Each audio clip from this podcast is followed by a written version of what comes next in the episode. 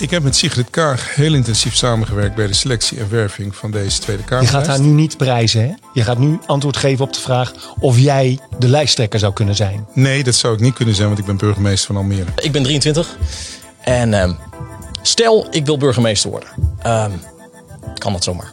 Zeker. U bent burgemeester. U bent een man van kleur. Ervaart u dit als een voordeel voor uzelf of uh, meer als een nadeel? Ik heb ook sinds corona een relatie. En ik merk dat ik het fijn vind om iemand te hebben waar je geen anderhalve meter mee hoeft te houden. Heeft u dat ook? Ben ik ook volstrekt met je eens. In de top van Almere praten we met mensen met serieuze verantwoordelijkheid in de stad, in de regio. En als het gaat om de top van Almere, dan staat op eenzame hoogte natuurlijk de burgemeester Frank Weerwind. Hartelijk welkom, fijn dat je er bent. Hoe gaat het met je? Gaat uitstekend, dankjewel. Hoe gaat het met jou? Met mij gaat het goed. Ik ben natuurlijk redelijk zenuwachtig, maar ik sla me er doorheen. We zitten hier in de Clipjesfabriek. We vinden het extra leuk dat je hier bent. Allemaal tussen de studenten. Wij zijn de enige twee die van boven de 30 zijn. En als we teruggaan naar jouw studententijd, is dat een duidelijk andere tijd dan van deze mensen. Want deze mensen komen er bekaaid af, vind je ook niet? Volstrekt. Uh, juist ontmoetingen die er niet zijn en naar de studenten toe. Complimenten hoe ze volhouden en hoe ze doorzetten. Het is een waardeloze periode. Sommige studenten zijn begonnen aan hun studie en hebben hun medestudenten niet ontmoet, niet gezien. Laat staan docenten. Ja, live elkaar ontmoeten. Dat, dat is het mooie van je studententijd. En wat dat betreft uh, uh, spreek ik echt de hoop uit dat dit, dit COVID, uh, de problematiek, dat die snel verslagen wordt. Zodat we elkaar weer kunnen ontmoeten, elkaar een hand kunnen geven, elkaar weer in de ogen kunnen kijken. In plaats van dat we dat via digitalisering doen. Jij had als medestudent de koning, de huidige koning. Ja, dat klopt. betekent dat dat je hem af en toe ook tegenkwam? Jazeker. Ja? Maar, maar bedoel ik, uh, uh, kunnen we aan hem vragen wie Frank Weerwind is? Dat mag je aan hem vragen. ik weet niet wanneer je hem ontmoet. En, en dan, kan, dan kan hij jou plaatsen? Ik was uh, in het jaar 1987, dat is 100 jaar geleden. we waren het jaar van de monsters tijdens de... nee, de Prutsers. De Prutsers waren wij. Tijdens de studentenvereniging en de ontgroening. we zijn jaargenoten. En ik was zeer actief in het bestuur en diverse bestuursactiviteiten heb ik daarna ook op mij genomen. Dus nee, we kennen elkaar. En ik heb hem in Almere in 2019 nog ontmoet. Toen kwam hij hier om de academie van de stad te bekijken. Ja, en als wij even kansen zien, dan praten wij toch nog even bij over toen en nu. Is dat bijzonder? Je wist dat het het staatshoofd zou worden. En alles wat binnen de studentenvereniging is gebeurd en plaatsvindt, vindt daar plaats. Daar praat ik niet over. Maar het is heel mooi dat je elkaar op een andere manier ook ontmoet hebt. En ik heb het bewustzijn nu ook. Hij is de koning. En ik de burgemeester. Dan heb je het ook ver geschopt. Sterker nog, al zes jaar de burgemeester van Almere. De eerste periode zit erop. Ik zeg het uh, eerste periode, want je wilt nog een periode. Is dat overmoed? Is, dat, uh, is er geen andere baan voor je beschikbaar? Is dat, heb je er zoveel vertrouwen in? Oh, ik vooropstellen, kijk, het is een jonge stad. En die stad die ontwikkelt zich razendsnel. We groeien. Ik hoef alleen maar te kijken naar het aantal woningen wat ieder jaar weer gebouwd wordt. Waarin nieuwe Almeres komen. En ik sta op de schouders van mijn voorgangers. Een stad die groen is. Een stad uh, die bebouwd is. Een stad die water heeft. Een stad waar de infrastructuur top is. Of je nou met de openbaar vervoersvoorzieningen van de ene kant van de stad naar de andere kant moet. Die bus heb je om de circa 4, 5 minuten. Met de fiets ben je sneller van plaats A naar B in Almere dan met de auto. Maar dit is toch helemaal geen antwoord op mijn vraag? Nee, dit is een stad die groeit en die bloeit en die wordt alleen maar sterker. Daarin hebben we een x-aantal grote opgaves. Niet alleen de Wereldtuinbouwtentoonstelling in 2022, waarin je laat zien dat dit de moderne stad van de toekomst is. Maar ook als je naar deze stad kijkt, dan zie je ook een stad met grote uitdagingen en vraagstukken. Ik noem bijvoorbeeld het werkgelegenheidsvraagstuk. Ja, hoe zorg je ervoor dat die jonge generatie Windesheim-studenten die hier studeert, ook zegt van hier wil ik wonen, hier wil ik blijven, hier wil ik verder uh, een gezin uh, opstarten. Ja, waar er nog betaalbare woningen zijn. En daaraan meebesturen en aan meebouwen. Dat, dat is fantastisch. En alleen al de ligging van deze stad dicht tegen Utrecht aan, dicht tegen Amsterdam aan, dicht tegen Zwolle aan. Eigenlijk vorm je de verbindende schakel tussen stedelijke omgeving en het groene gebied. Dat is Almere. Ik, ik snap wat je zegt. Dat vind ik leuk maar om te doen. Je, je, je hebt eh, eh, je roots in D66. En D66 vindt dat een burgemeester eigenlijk gekozen zou moeten worden door de bevolking. Heb jij het idee dat je gekozen zou worden als, als de, de stembussen opengaan? Ja, Jelle, ik heb één ding geleerd om niet de dag te prijzen eh, voordat de avond gevallen is. Eh, er is geen gekozen burgemeester. Als je teruggaat naar mijn curriculum vitae, dan weet je dat ik destijds met de voormalig een van de oud-burgemeesters van Alkmaar daarover gestreden heb. Hoe belangrijk ik dat vind, eh, die gekozen burgemeester. Die gekozen burgemeester is er niet. Ja, dus deze vraag is geen werkelijkheid. Eh, ik merk wel dat Almeerders eh, en veel Almeerders weten wat ze aan mij hebben. We gaan terug, zes jaar geleden. Jij werd welkom geheten door deze mensen. Frank Weerwind, welkom in Almere. Beste Frank, welkom in Almere. Fantastisch dat je in onze mooie stad komt wonen. Geachte heer Weerwind, beste Frank. Hartelijk welkom in de Raad van Almere. Van harte welkom als onze nieuwe burgemeester. We kijken er erg naar uit en we hopen dat je een fantastische tijd tegemoet gaat. Frank, van harte welkom in Almere. Hoi Frank, namens de CDA-fractie wil ik je van harte welkom heten in Almere. Zet je in voor de bloei van de stad. Want de bloei van de stad is ook jouw bloei. En wij bouwen graag samen met jou verder aan onze en nu ook jouw stad, Almere. Dit is de stad van het water. Dit is de stad van de wolken. En als het een beetje mee zit, wordt dit de stad van Frank Weerwind. Welkom. Wat was het moment dat jij dacht, dit is de stad van Frank Weerwind? Herinner je dat? Ja, de diversiteit van de stad. Als je ook mijn, uh, de, naar mijn installatie, wat er gebeurde, hoeveel verschillende nationaliteiten. Almere kent er uh, zeg zo'n 160, 165 verschillende nationaliteiten uh, die aanwezig waren. Die, die veelkleurigheid, die veelzijdigheid van de stad. Ja, dat was een prachtig moment. Ja. En kijk, ik pleeg dit wel eens te noemen het New York van de polder. Ja, en de polder is voor mij heel Nederland. En de, iedereen komt van alle windrichtingen. Die stad is jong, is 44 jaar oud. En als je ziet hoe die snel die gegroeid is, zo'n 215.000 inwoners, van 0 naar 215, 1976 eerste inwoners. En als je vervolgens ook aanschouwt hoe dat met elkaar leeft en verder bouwt. Waarin de Almeerder veelal een wooncarrière maakt. Ja, start in uh, woning X en dan doorgroeit iedere keer weer naar nieuwe mogelijkheden. Dat is die stad. Als je zo die collega's ziet, hè, heb je dan het idee van dat zijn mijn maatjes geweest? Waren het jouw opponenten? Uh, zijn het mensen geweest waar je uh, ernstig rekening mee moest houden? Wat is jouw gevoel bij deze mensen? Ze zijn betrokken bij de stad.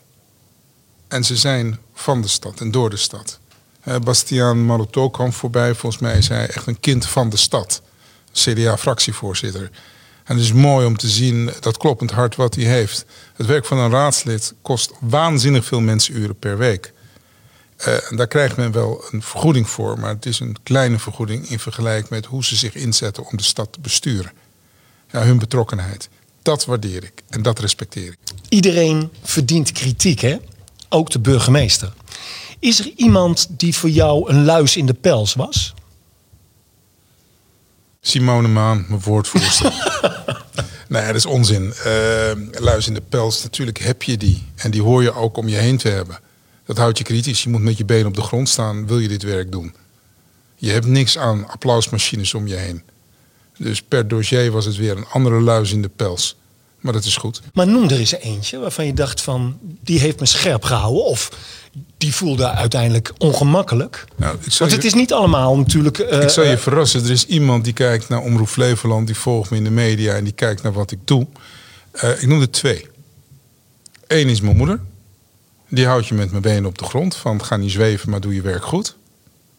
En de tweede is uh, een mevrouw die met haar ruim 80 jaar laatste fiets heeft gepakt. Haar telefoon.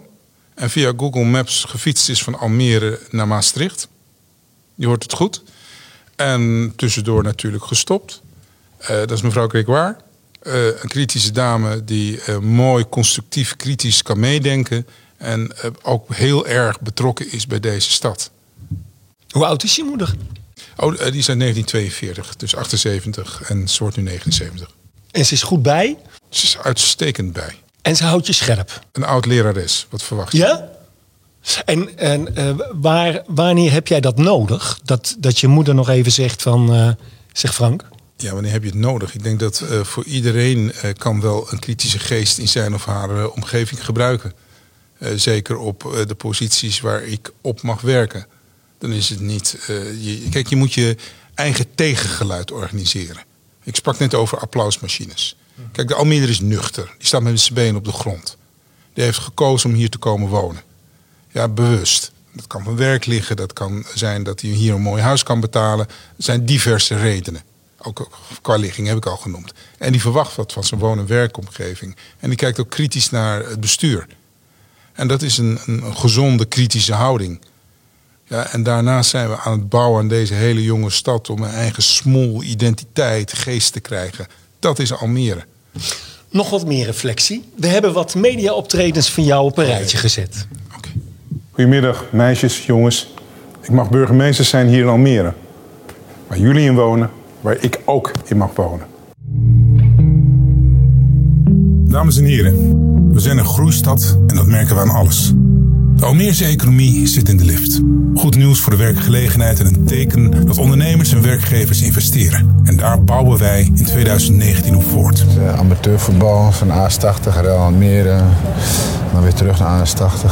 Ja, ja en de school, schoolpleintjes, schoolvoetbal, de, de, de wijkvoetballen. Uh, vooral voetballen. Wat is belangrijker? Schoolvoetbal of wijkvoetbal? Straatvoetbal?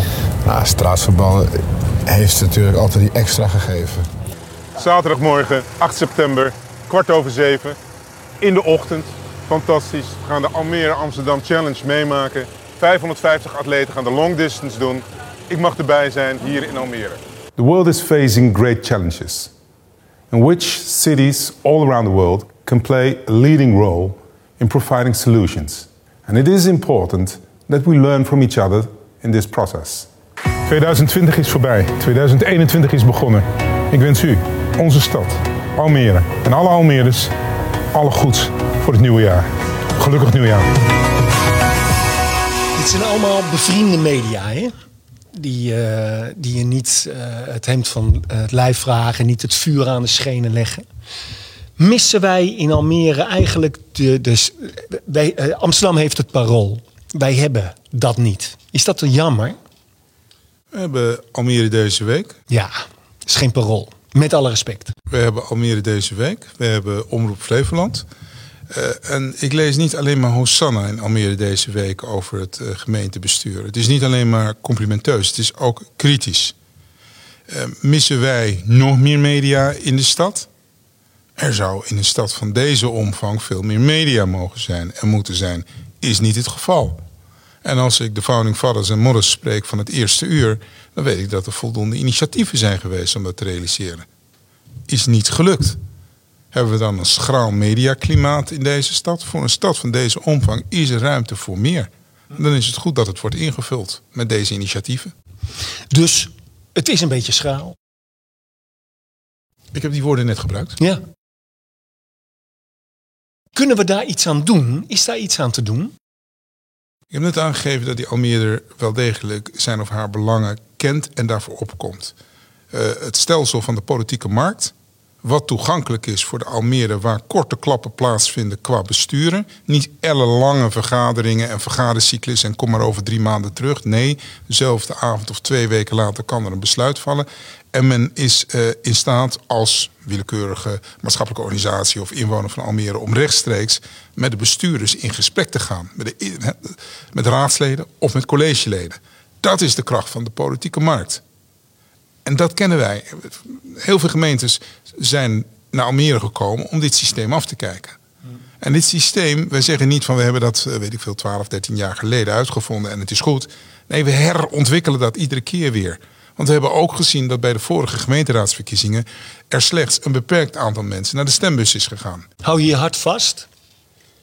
Uh, we doen er alles aan, maar dan ook alles aan om oud, maar ook jong duidelijk te maken: jij bestuurt mede de stad door aan te geven tijdens de stembusmogelijkheden, tijdens de gemeenteraadsverkiezingen, wie jouw stem krijgt. Dus maak er gebruik van. De, de, we gaan nu senioren die boven een bepaalde leeftijd zijn, krijgen de mogelijkheid om eh, via eh, de postbus te stemmen. Uh, kwetsbaren in de samenleving krijgen een paar dagen van tevoren al de mogelijkheid om te stemmen. We doen er alles aan om uh, het zo goed mogelijk te laten zijn, dat het bereik groot is, dat het toegankelijk is. Uh, de veiligheidsmaatregelen, COVID-19 maatregelen nemen wij in acht. Daar is een fantastische organisatie vanuit Burgerzaken mee bezig, ambtelijke functionarissen, om dit te realiseren. Met de voorbereidingen, maar ook op de dag zelf en ook daarna. En ik spreek de hoop uit dat heel Almere beseft... dit is het moment om te gaan stemmen... zowel voor de Tweede Kamer als maart volgend jaar voor de gemeenteraad. 2020 was het jaar van de veiligheidsregio.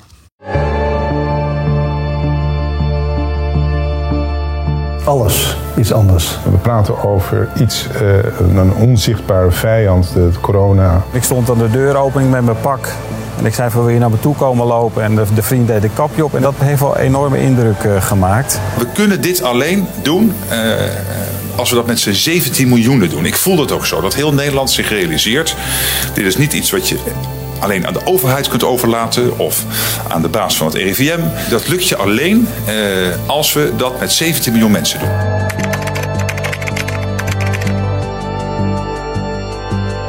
De twee voorzitters van de veiligheidsregio's zijn eindverantwoordelijk voor het beleid zolang sprake is van grip 4.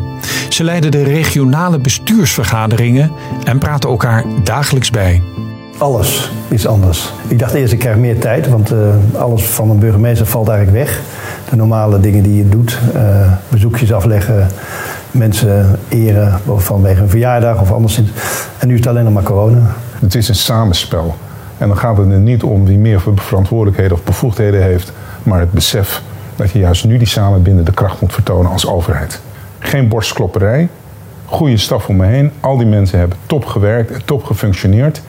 En zullen moeten blijven functioneren naar de toekomst toe, want we zijn er nog niet. Frank Weerwind is een professional. Hè? Ook, ik heb dat interview, de laatste interview met jou gedaan. En jij weet het altijd zo te keren. Dat doe je ook in dit gesprek. En dat is, dat is een kwaliteit. Dat het. Uh, er valt je weinig te verwijten. Je bent bijna de Rutte van Almere. Dat is ook een groot professional die niet zoveel echte tegenstanders krijgt, omdat hij het gewoon iedere keer flikt. Of beledig ik je nu? Ga vooral door. nee, nee, nee. Um, je doet, nogmaals, het is teamsport. En ik heb wij, deze COVID-19-crisis. Normaal, uh, je werkzaamheden als burgemeester van een stad van deze omvang. Het is toch de achtste gemeente van de 352 gemeenten in dit land. Het is een grote stad met veel vraagstukken. Bijvoorbeeld het organiseren van zo'n wereldtuinbouwtentoonstelling vergt ontzettend veel energie. Nou, 60, 65 mensuren per week. De COVID-crisis, daar kwamen er gewoon 15 tot 20 mensuren bovenop. Wij doen dit al sinds maart 2020. Wij, dat is het hele team om mij heen die op de zaterdagen, de zondagen gewoon beschikbaar moeten zijn als er persvragen komen. Of op het moment uh, dat er nieuwe noodverordeningen kwamen. Dat was tot 1 december, want daarna zijn we gaan werken onder een nieuw regime. Maar er lag, lag een ongekende druk op die overheid. Wij moeten communiceren met ondernemers en uitleggen hoe het is. Uh, zelfs ondernemers die technisch al failliet zijn, omdat hun zaak al maanden gesloten is. Het is komen en kwel, er is spanning. Dus jij begon terecht te vragen over de studenten. Ja, de studenten, eenzaamheid, elkaar niet ontmoeten, uh, soms isolement. Sommige studenten kwamen we achter, hadden zelfs device niet. Die konden gewoon niet digitaal onderwijs volgen. We zijn in, in huizen geweest, in woningen geweest, achter de voordeur. Wat, wat, wat je toch de kwetsbaarheid van de samenleving laat zien. Dan heb ik het nog niet eens over de senioren.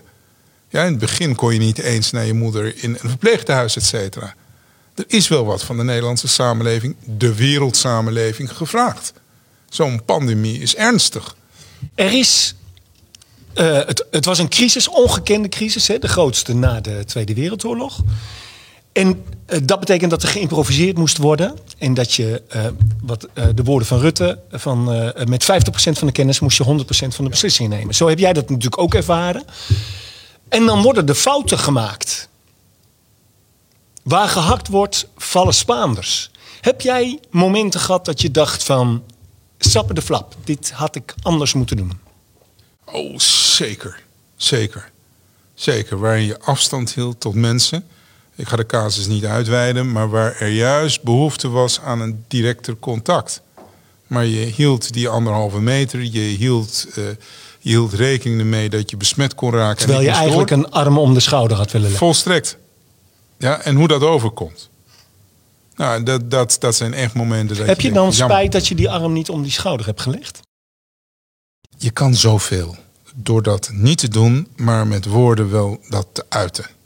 En met je fysiek en eh, op een andere manier. Ja, en, en dat, dat bewustzijn.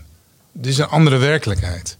De periode van voor corona komt niet meer terug. Is mijn stellige overtuiging. Er is een moment geweest dat ik dacht van een paar burgemeesters doen het misschien niet helemaal goed. Dat was het moment van de avondklok. Toen waren er een paar burgemeesters die zich uit gingen spreken eh, door te zeggen van, eh, vind ik eigenlijk niet zo'n slim idee.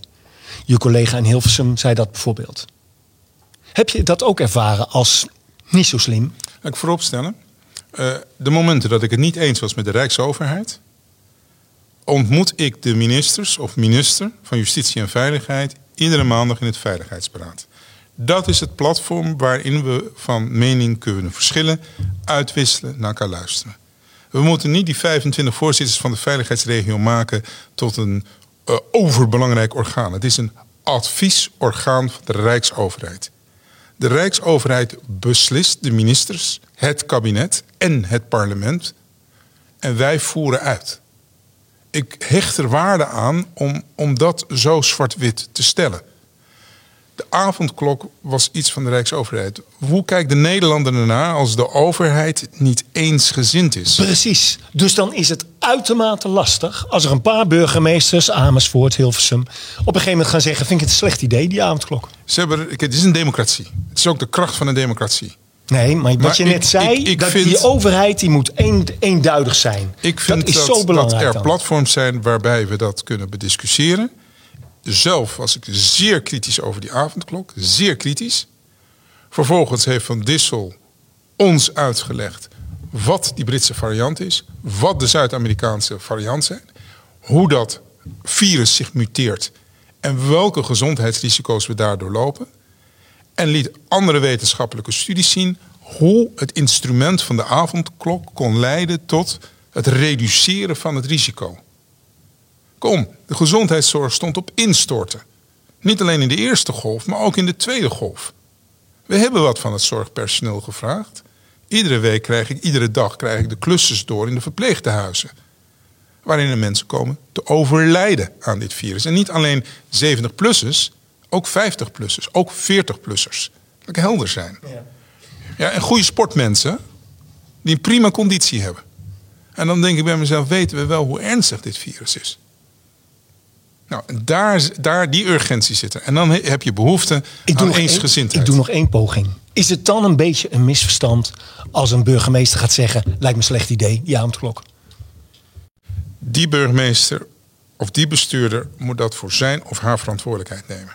Ik heb ook meegemaakt dat het kabinet nog geen beslissingen had genomen. En bewindspersonen waarin de media al van alles aan het tetteren. Dat moeten ze niet doen. Dat leidt tot vragen die ik krijg in de lokale samenleving, in de regio. Zorg voor één gezicht naar buiten en rust. Het is al zo chaotisch. Wat is het boffen dat we in 2022 een Floriade krijgen? En wat is het boffen dat we waarschijnlijk dan een beetje die corona achter de rug hebben? Het zou een ramp zijn als die dan eh, er nog zou zijn, toch?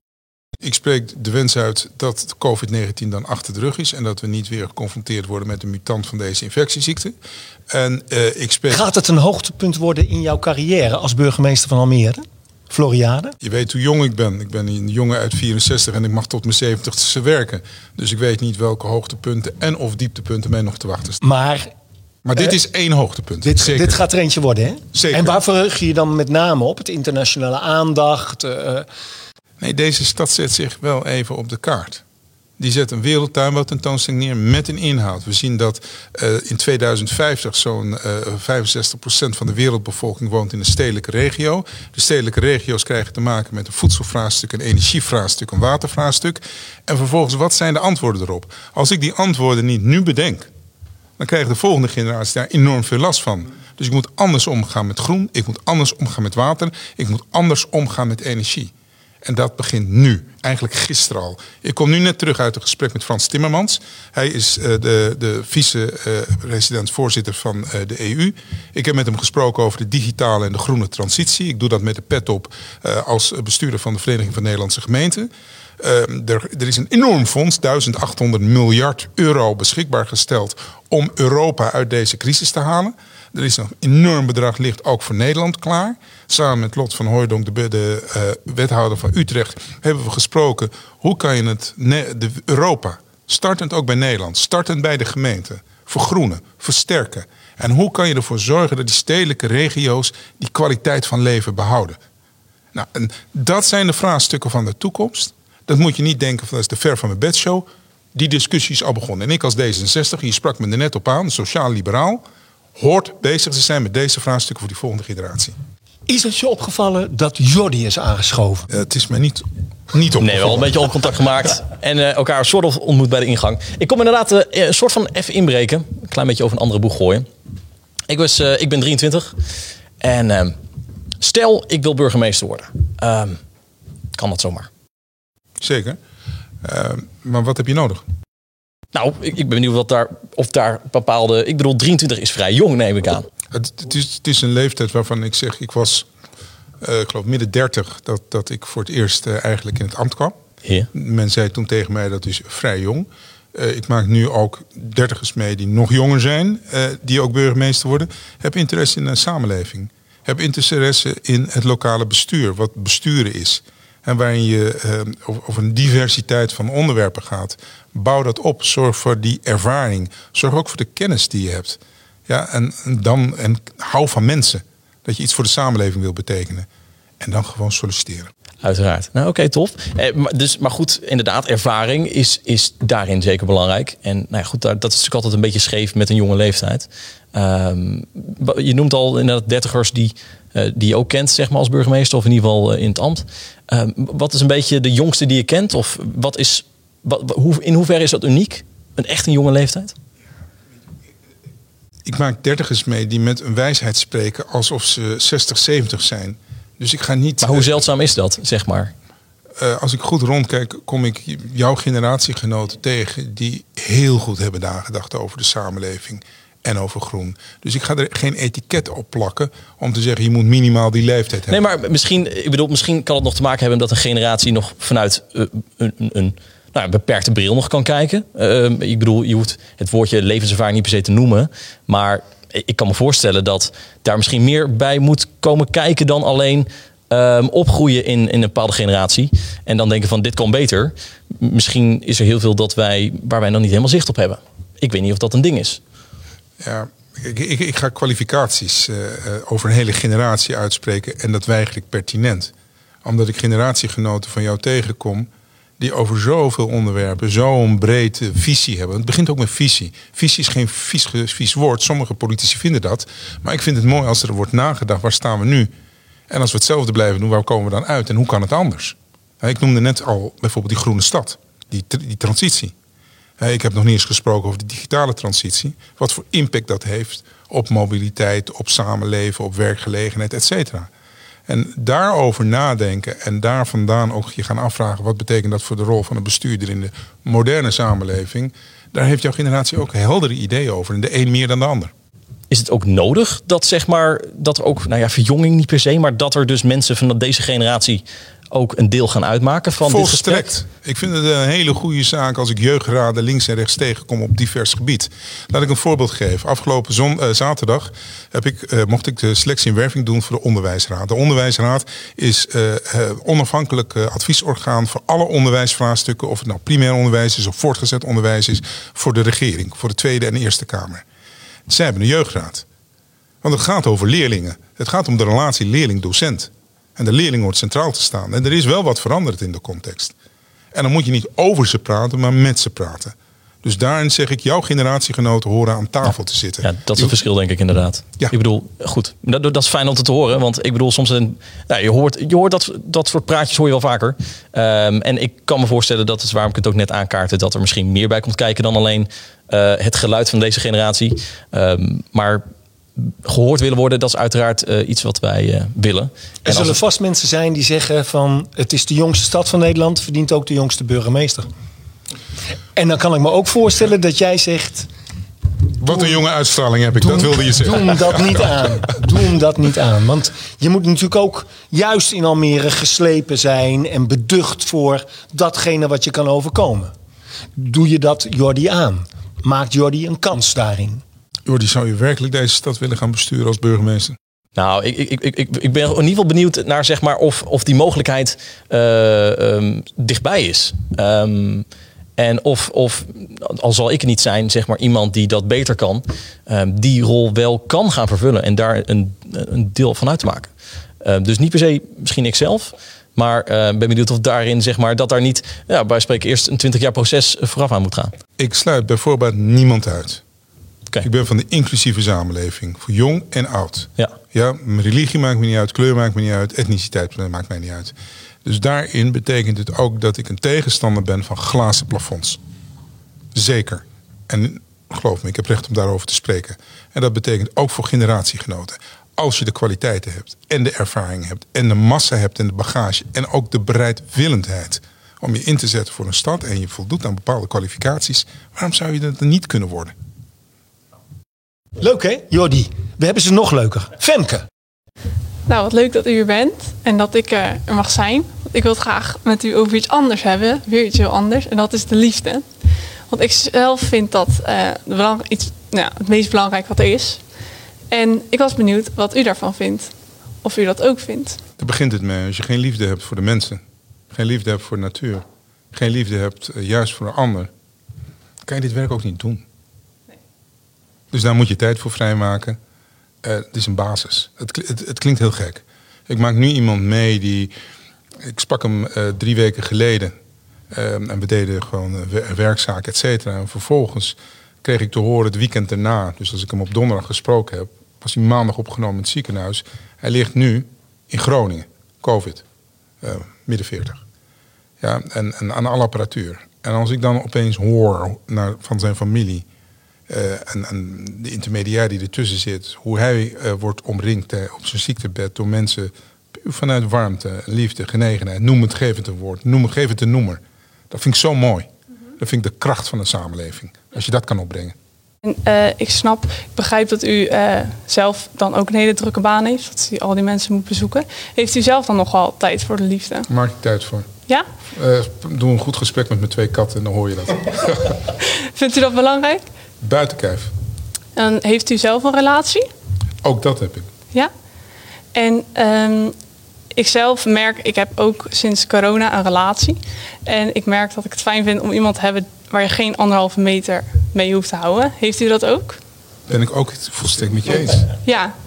En ehm, snapt u ook, er zijn heel veel jongeren die hebben nu moeite om eh, mensen te leren kennen. Ehm, snapt u ook eh, hun probleem? Dat is eh, het probleem van de eenzaamheid. En dat, dat geldt voor jongeren. We hebben 3 miljoen eh eenpersoonshuishoudens in dit land, onder die 17 miljoen Nederlanders. Ik zeg niet dat ze allemaal eenzaam zijn, want sommige mensen zijn zelfs eenzaam in een relatie. Laten we helder zijn. En ik betreur dat ten zeerste, want die eenzaamheid is alleen maar groter geworden. En eh, mijn naamgenoot Femke Halsma, burgemeester ook, die nam het voor de jongeren op. Zou u ook eh, de jongeren een hart onder de riem willen steken? Nou, we hebben er, ehm, ik, ik gaf net aan dat ik eh, in het bestuur zit van de Vereniging van Nederlandse Gemeenten. En we zijn al maanden bezig om eh, puur te praten. Wat kunnen we doen met de jongeren? Ik heb hier twee fantastische wethouders op het sociaal domein. Vrouwtje de Jonge en Roelie Bos. En maanden geleden heb ik met hun aan tafel gezeten en hebben we gezegd: wat gaan we voor de jongeren in Almere doen? Hoe gaan we de jongeren actiever betrekken? De beide wethouders hebben die handschoen ook opgepakt. Toen ik met de directeur Stad en Natuur sprak, gaf, gaf die mij dat ook aan. En ik vind het prachtig hoor op landelijk niveau dat, dat collega's hardop dit zeggen. Maar er gebeurt op lokaal en op regionaal niveau heel veel. Omdat we ook beseffen De jongeren worden keihard getroffen door alle maatregelen die er worden genomen. En daar mogen we het goede gesprek over voeren. En dan vraagt u zich af, vraag jij je af, kan het nog leuker? Kadisha. Goedemiddag, uh, dankjewel dat ik ook even mag aanschuiven. Uh, ik zou het graag uh, weer over iets heel anders met u willen hebben, namelijk diversiteit en inclusie. Um, en ik val eigenlijk maar gewoon gelijk met de deur in huis. U bent burgemeester, u bent een man van kleur.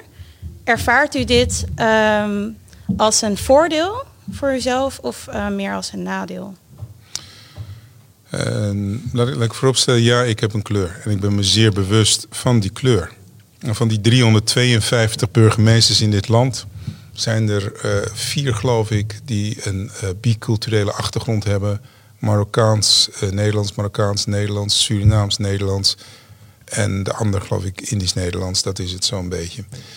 dat is gewoon te weinig ja, uh, is gewoon te slecht voor woorden. Er zijn meer vrouwenburgemeesters dan dat mensen met een biculturele achtergrond uh, burgemeester zijn. Terwijl wanneer ik naar de vier grote steden kijk, dan is meer dan de helft uh, van de bevolking die heeft een biculturele achtergrond. Ja, er zijn glazen plafonds, zei ik net. En die zijn er. En dat moeten we niet ontkennen. Is een kleur dan een voordeel of een nadeel? ik heb het nooit gebruikt als niet gezien als nadeel. Ondanks het feit dat ik herinner dat toen mijn vader mij inschreef op het Christelijk Atheneum Adriaan Pauw in Heemstede, uh, de rector tegen mijn vader zei: van als het lukt dat hij hier met een VWO-diploma vanaf komt, is het de eerste kleurling die dat lukt. Nou, dat uh, was niet echt een stimulans, kan ik je vertellen. Ik heb het gehaald. Ja. En ik zeg het ook tegen de volgende generatie. Denk niet in beperkingen. Denk in kansen. En durf te knokken, dwars door dat glazen plafond heen. Iedere keer weer. Ja, geloof in je eigen kracht en je eigen energie. Bedankt.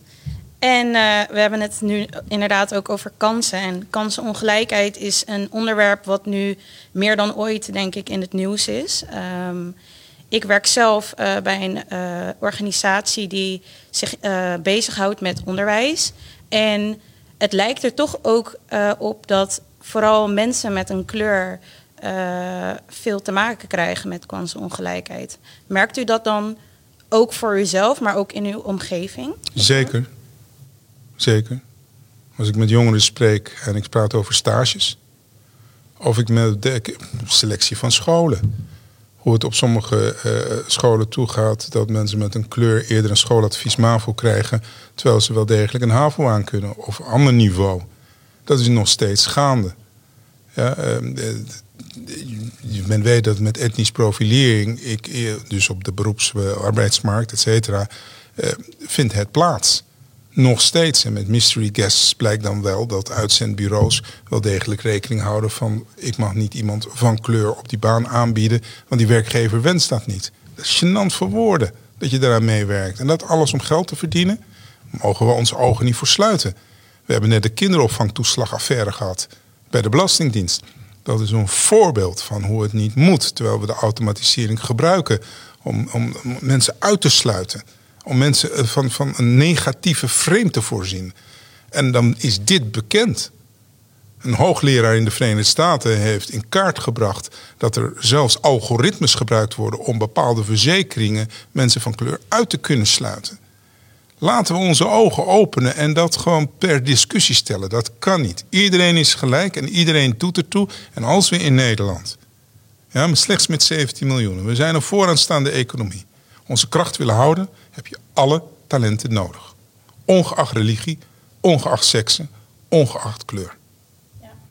Ja, zeker. Daar ben ik het helemaal mee eens. Um, en ik denk dat die bewustwording waar we nu dan mee bezig zijn, dat dat een stap één is. Maar hoe denkt u um, dat in ieder geval de kansongelijkheid in het onderwijs bijvoorbeeld um, ja, opgelost zou kunnen worden? Ik bedoel, het is een heel groot ding natuurlijk. Er is geen één oplossing. Maar wat is uw, wat is uw idee daarover? Ik denk dat, kijk, we hebben nu net een D66 gehad uh, die uh, de cultuur zit. En Arie Slop uh, de, is de huidige minister die, van de ChristenUnie die het onderwijs doet. Ehm, samen zitten ze op OCW, het departement. We, dit, thema staat flink op de agenda. Ik ben ook meer dan trots op Wouter Koolmees als D66-minister uh, op uh, sociale zaken en werkgelegenheid.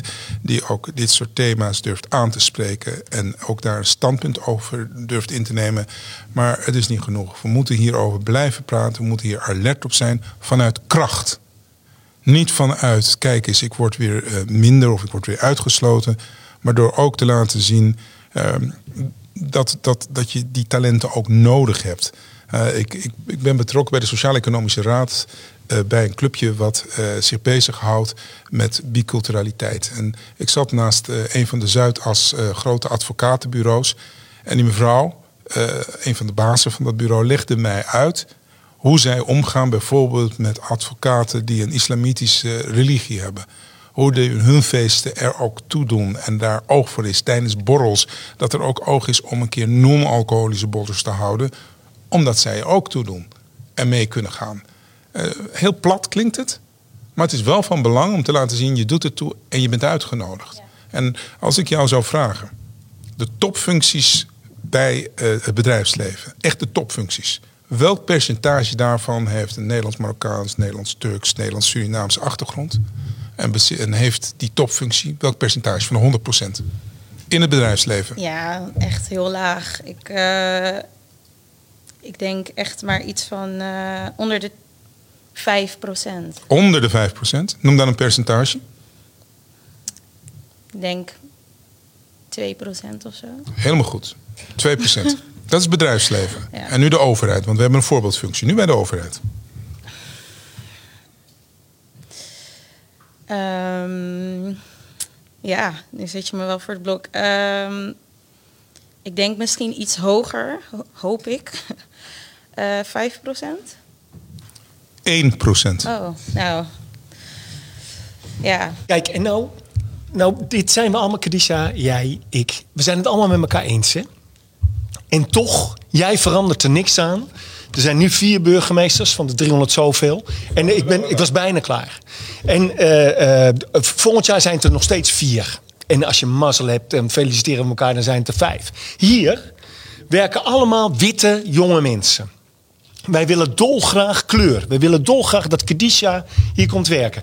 En het lukt ons niet. Dat komt omdat die mediaopleidingen, er zitten allemaal witte mensen. Wat doen wij eraan?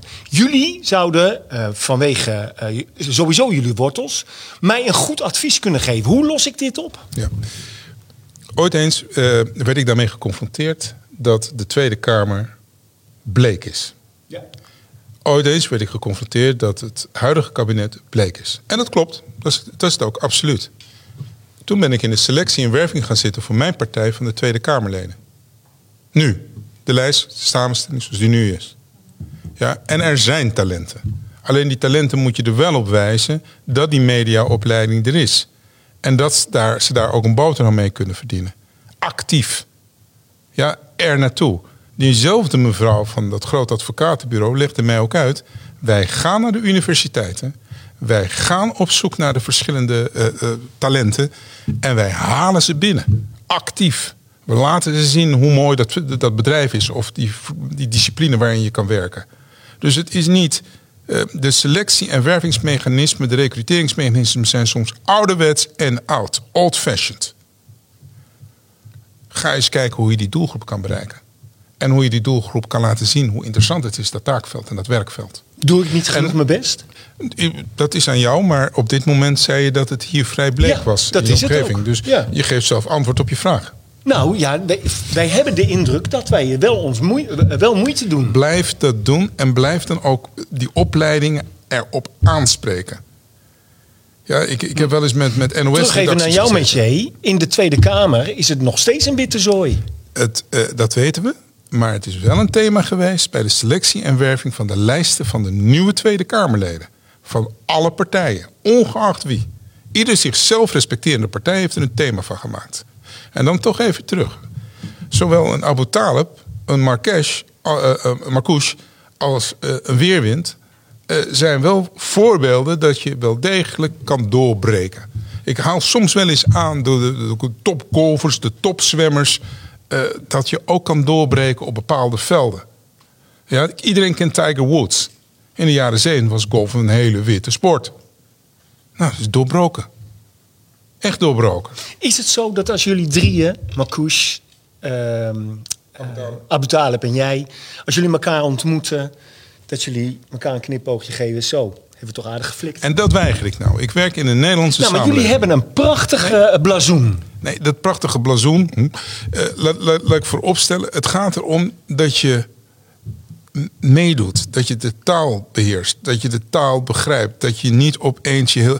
Ik hou van Nelson Mandela. En toen Nelson Mandela op Robben-eiland was...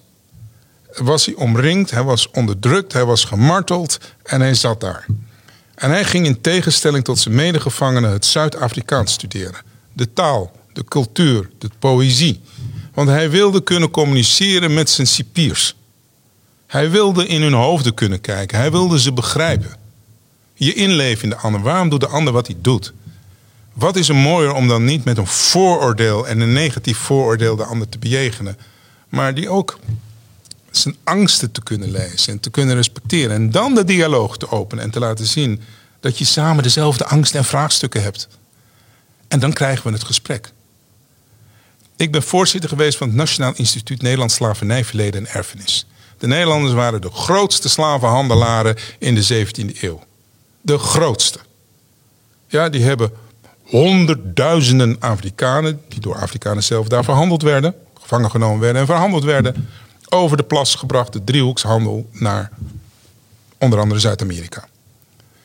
En vervolgens heb ik ook altijd als voorzitter gezegd, een gedeeld verleden leidt ook tot een gedeelde toekomst. Heb het erover. Niet vanuit ik verwijt jou dit of ik verwijt jou dat. Maar heb het over die geschiedenis. Begrijp het waarom het in sommige generaties nog steeds een rol speelt. Maar dan moet je wel het gesprek voeren met elkaar. Kadisha, jij houdt je bezig met onderwijs. Je bent in Amsterdam-Noord opgegroeid. Dat Ik is, ben in Amsterdam-Noord geboren. Dat is, eh, Oh, ik ben even aan het praten met eh, en jij, eh het Klasse, die prachtige documentaire, veel geprezen, eh, die is bij jou in de buurt opgenomen. Eh, op de scholen waar jij eh, op zit.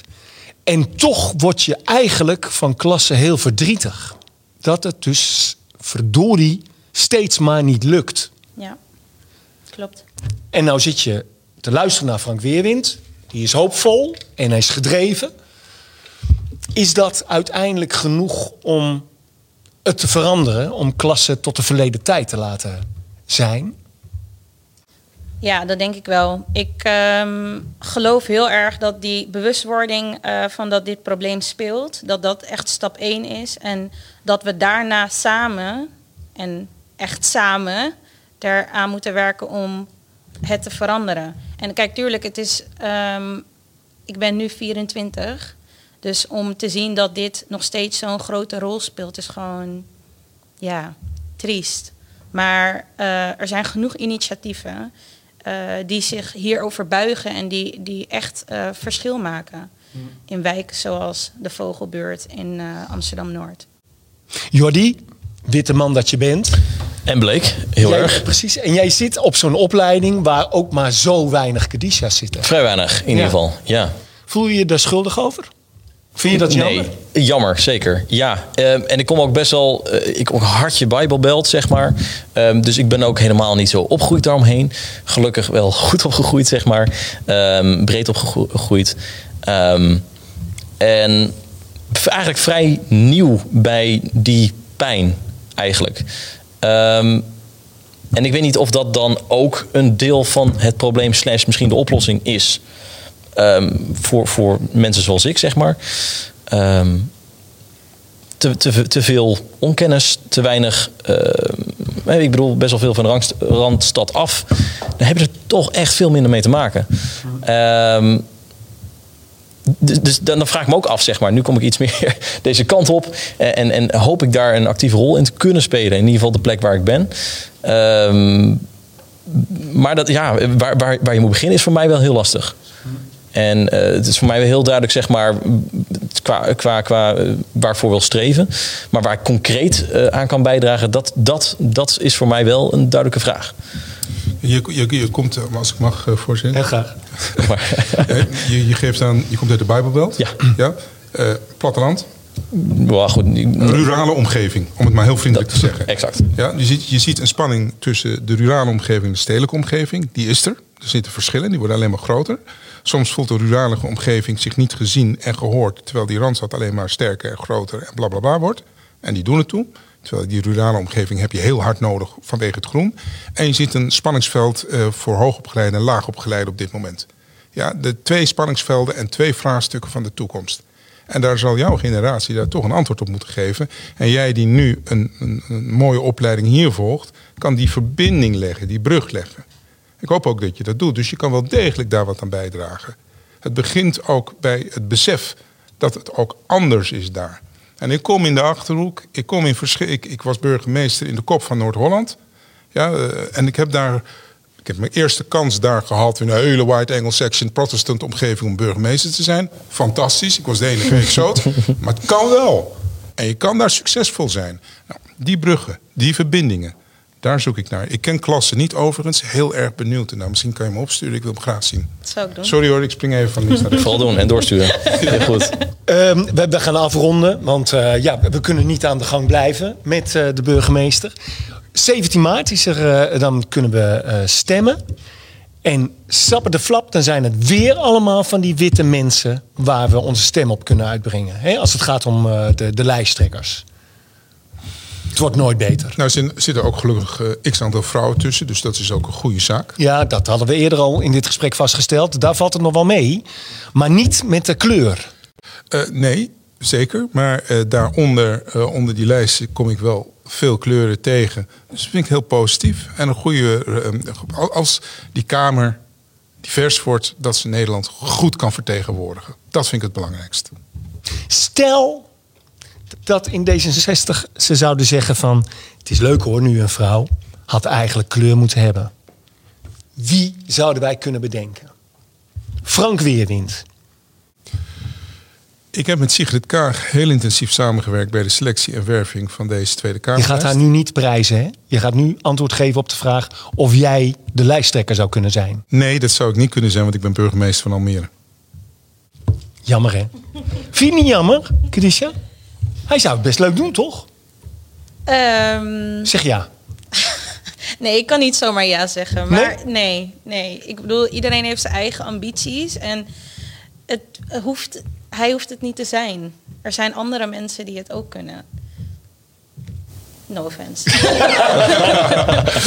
Ik vond het ontzettend leuk dat je hier was. En ik hoop dat jij het leuk hebt gevonden. Jordi, dankjewel. Kedisha, dankjewel. Eh waar ben je? Femke, dankjewel. En eh, eh, we gaan eh, 17 maart eh, stemmen.